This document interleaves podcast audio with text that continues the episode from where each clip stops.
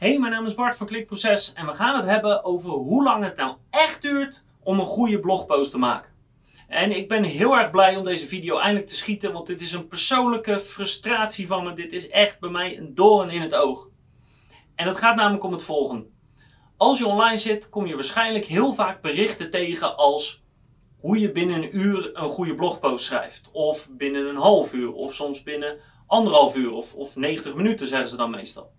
Maar hoe dan ook, heel veel gurus, nepgurus, die zeggen dat het schrijven van een goede blogpost maar heel kort duurt. Als je het maar slim doet, als je het maar goed doet en als je hun cursus koopt, dan leer je hoe dat werkt.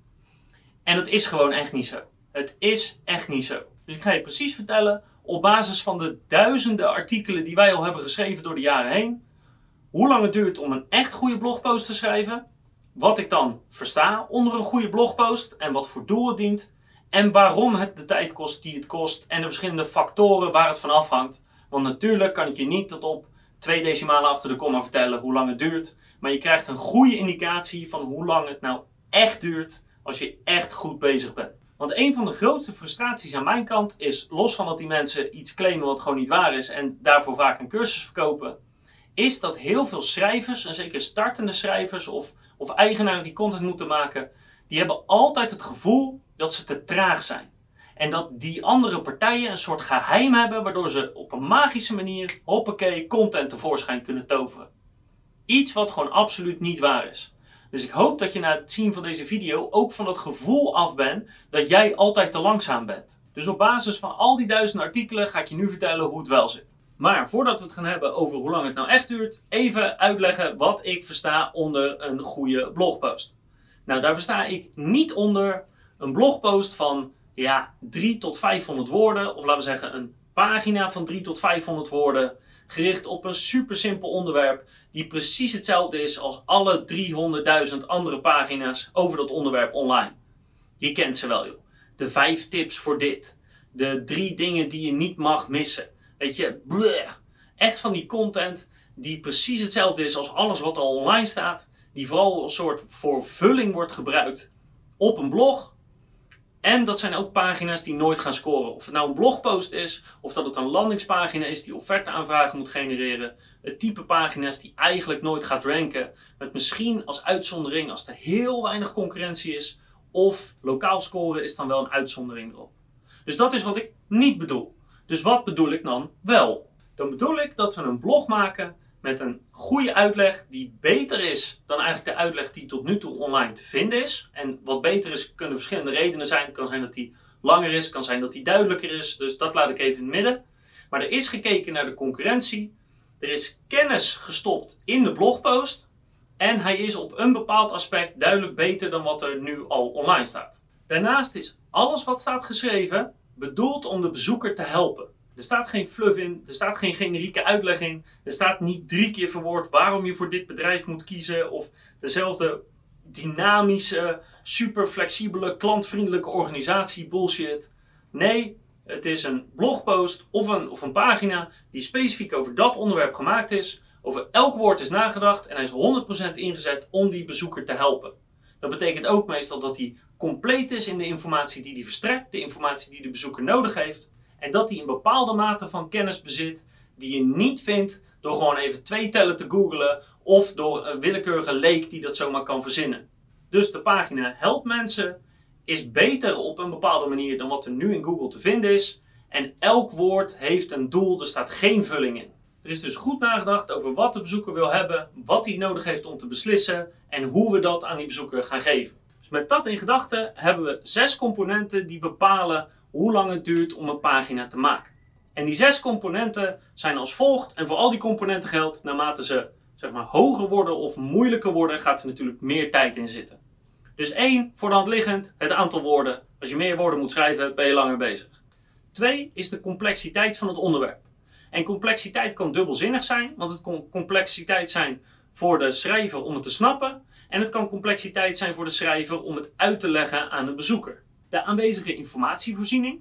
Dus hoe kom je als schrijver aan informatie en hoe moeilijker je aan die informatie kan komen, hoe langer het natuurlijk duurt. Of de afbeeldingen, video en audiomateriaal moet worden toegevoegd aan de pagina. Maar ik ga het nu vooral hebben over het schrijven, dus die parkeer ik even aan de zijkant. Als je hem online moet zetten, dan bepaalt het CMS nogal hoe lang het duurt. En iedereen die WordPress gewend is, of misschien Magento of Lightspeed, die zegt nou dat online zetten duurt nog niet zo lang. Nou, wij hebben in die negen jaar dat we bestaan al met 50 CMS'en uh, gewerkt. En geloof me, er zijn CMS'en die zijn zo oud, die zijn zo vervelend, dat het gewoon een paar uur duurt, ja, een paar uur, om een pagina goed online te krijgen. Dus het CMS speelt wel degelijk een rol. En als laatste de complexiteit van de zoekwoordverwerking in het artikel. Hoe meer zoekwoorden je er eigenlijk in wil hebben en hoe complexer het is om die zoekwoorden op een goede manier in je artikel te plaatsen, hoe langer het duurt. Dus houd die zes componenten in gedachten. En als je een project gaat doen of als je bezig bent met een pagina, kan je die zes eigenlijk gebruiken om te beoordelen. Ja, hoe ingewikkeld is dit? Hoe hoog slaat die meter uit? Dus hoeveel meer tijd ben je kwijt? Maar dat is waarschijnlijk niet wat jij wil. Je wil gewoon een bepaalde tijd horen. Je wil gewoon weten, Bart, hoeveel kost het nou om 500 woorden te schrijven? Nou, ik ga mijn best doen om je dat te vertellen, maar hou daarbij wel een bepaalde marge in gedachten. Want Zoals met alles is het geen exacte wetenschap. Ik ga je vertellen hoe lang duurt het om 500 woorden te schrijven, om de volgende 500 tot 1000 woorden te schrijven. Dus dan zit je op 1000 tot 1500 woorden in totaal. En hoeveel lang het duurt om de woorden daarna te schrijven. Want er zit een heel groot verschil tussen de eerste 500, de 1000 daarna en alle woorden die daarna komen. En ik ga je nu vertellen hoe dat zit. Als je het hebt over de typsnelheid van een schrijver, dan zit dat in onze ervaring ergens tussen de 400 en 600 woorden per uur op het moment dat het onderwerp niet te complex is en alle informatie al aanwezig is en al bekend is. Dus de schrijver is bekend met het onderwerp. En als je een goede dag hebt, kan het hoger liggen. Het kan wel naar 1000 woorden per uur gaan. En als je een slechte dag hebt, kan het ook wat lager liggen. Maar voor deze video houd het even aan. Tussen 400 en 600 woorden per uur is ongeveer gemiddeld. Dus de eerste 500 woorden zou je zeggen, nou dat duurt dan toch een uur, hè, tussen de 400 en 600 per uur gemiddeld, dus een uurtje. Maar die vliegen gaat niet helemaal op, want die eerste 500 woorden zijn met kop en schouders de makkelijkste. Want in 500 woorden kan je eigenlijk niet echt diep ingaan op een onderwerp. Dus die eerste 500 woorden, of een pagina van totaal 500 woorden, is eigenlijk altijd best wel oppervlakkig en dat maakt het makkelijk om te maken. Want de complexiteit en de informatievoorziening spelen niet echt een rol. Voor 500 woorden vind je altijd wel info om iets te maken.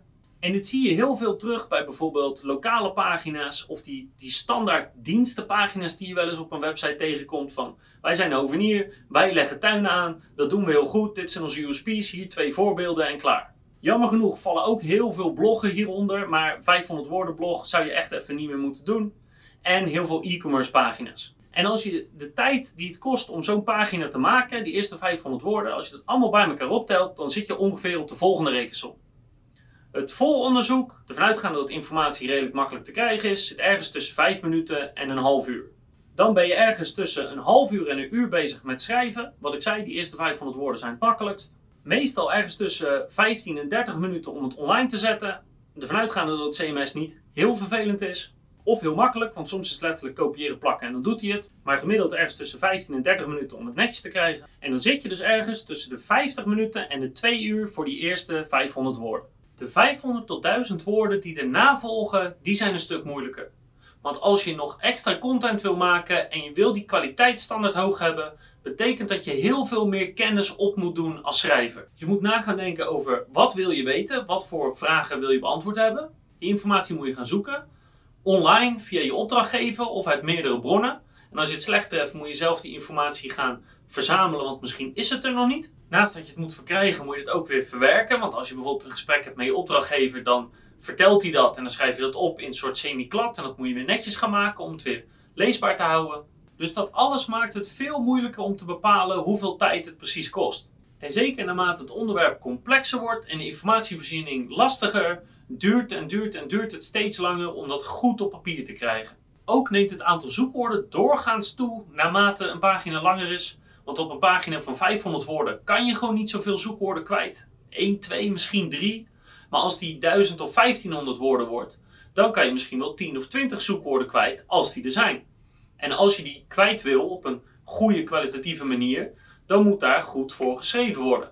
Ik zeg natuurlijk niet dat je alle zoekwoorden kwijt moet en dat ze allemaal exact match in de tekst moeten staan. Maar als je meer zoekwoorden hebt, is het gewoon lastiger om dat goed erin te plaatsen. Dus voor de daaropvolgende duizend woorden geldt ongeveer de volgende rekensom. Het volonderzoek duurt ergens tussen de 1 en de 3 uur. Je bent tussen de 3 en 8 uur kwijt om het goed te schrijven. Meestal nog ongeveer een uurtje kwijt om het te laten proeflezen en die feedback te verwerken.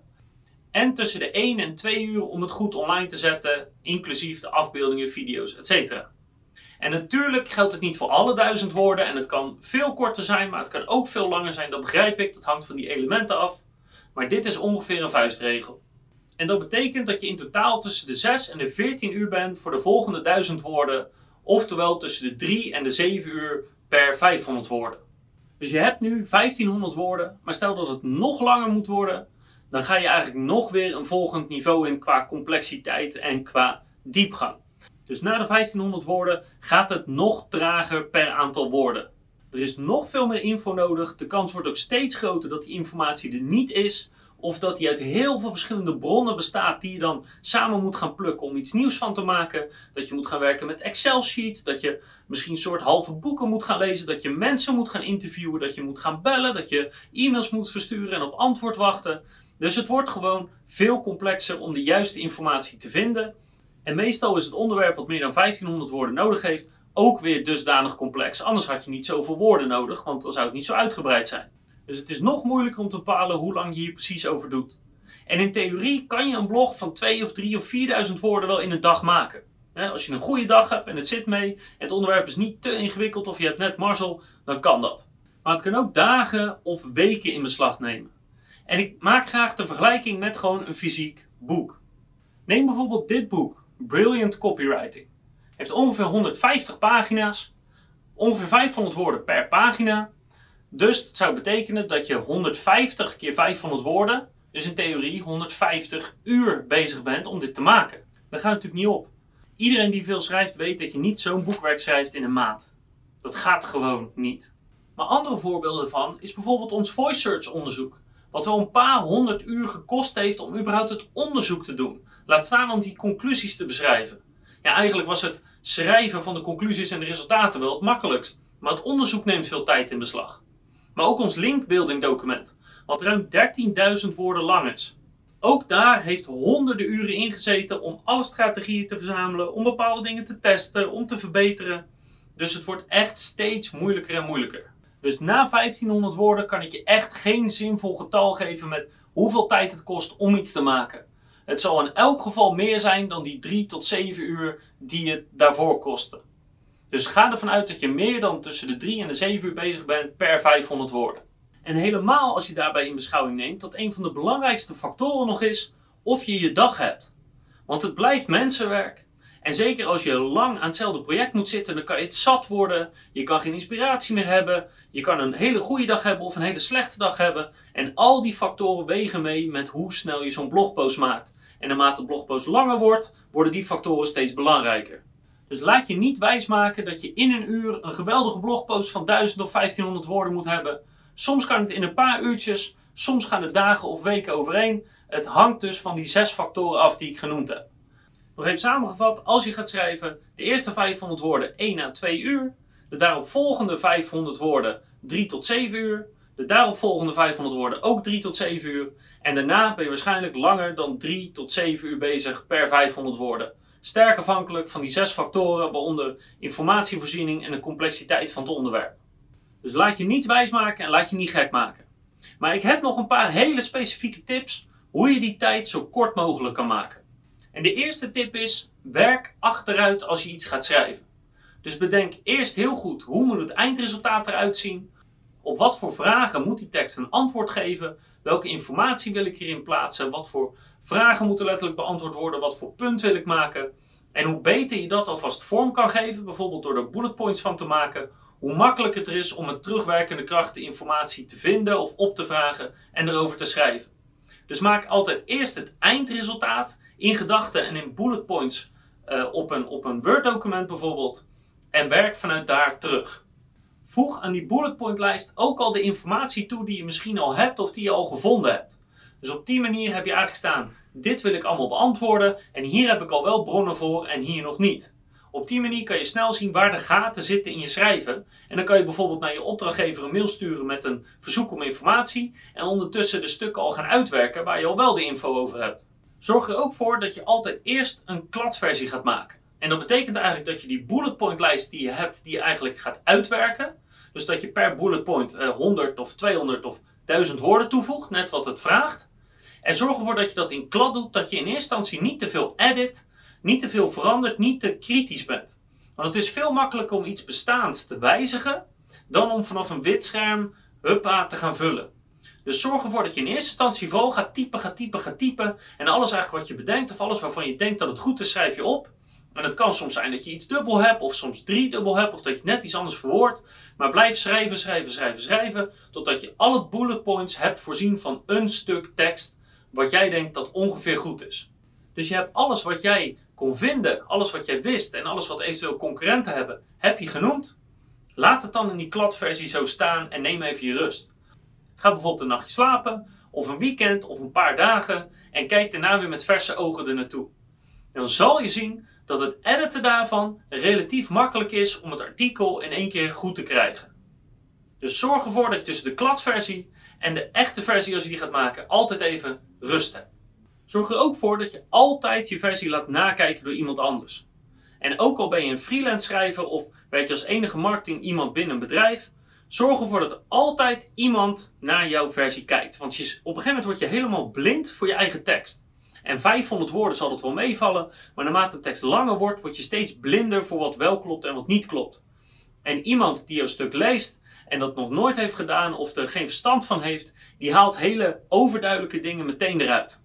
Zorg er ook voor dat je in elk geval antwoord geeft op de standaardvragen die voor elk onderwerp zo'n beetje gelden. En die vragen zijn de W-vragen en de H-vragen. Dus wat is het? Waarom is het belangrijk? Wanneer pas je het toe of wanneer niet? Hoe werkt het precies? Waar gebruik je het? Wat zijn veelgestelde vragen rondom het onderwerp? Wat zijn veel voorkomende problemen? Wat zijn veel voorkomende mythes of leugens of misinformatie rondom het onderwerp? Die vragen komen namelijk vrijwel altijd terug. Dus zorg in elk geval voor dat je die alvast opstelt en daar alvast antwoord op geeft. Als laatste tip raad ik je heel erg aan dat als je met een onderwerp bezig bent, dat als je googelt op dat onderwerp om te kijken wat staat er al beschreven, dat je verder gaat dan pagina 1. Want heel vaak staat er best wel redelijke informatie op pagina 2, 3, 4 of 5. En dat betekent niet dat alle informatie daarvan handig is of goed is, maar wel dat je soms net stukjes hebt over subsecties van wat je aan het schrijven bent waar je wat aan hebt.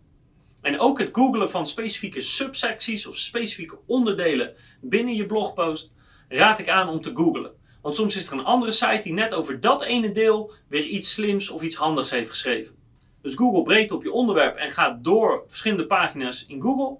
Zorg ook dat je op subsecties googelt en daar de goede informatie van pakt. En het mooie is dat dit je ook meteen helpt te bepalen waar dus blijkbaar geen informatie over is. En op het moment dat je zelf goed nadenkt en met je opdrachtgever, et cetera, overlegt, dan betekent het dat je dus ook meteen de gaten in de informatie vindt en die kan je mooi gaan opvullen. En dat is dus hoe lang het echt duurt om een goede blogpost te schrijven, in plaats van die nep-guru onzin over dat je alles in een uur geregeld moet hebben. Kwaliteit kost nou helemaal echt tijd en je bent niet traag als je langer dan een paar uurtjes doet over een goede blogpost. Wij doen meestal uren over een blogpost, zelfs als die maar duizend woorden is, want we willen dat die goed is. Ik wens je heel veel succes met het schrijven van de volgende blogpost of landingspagina's of productomschrijvingen.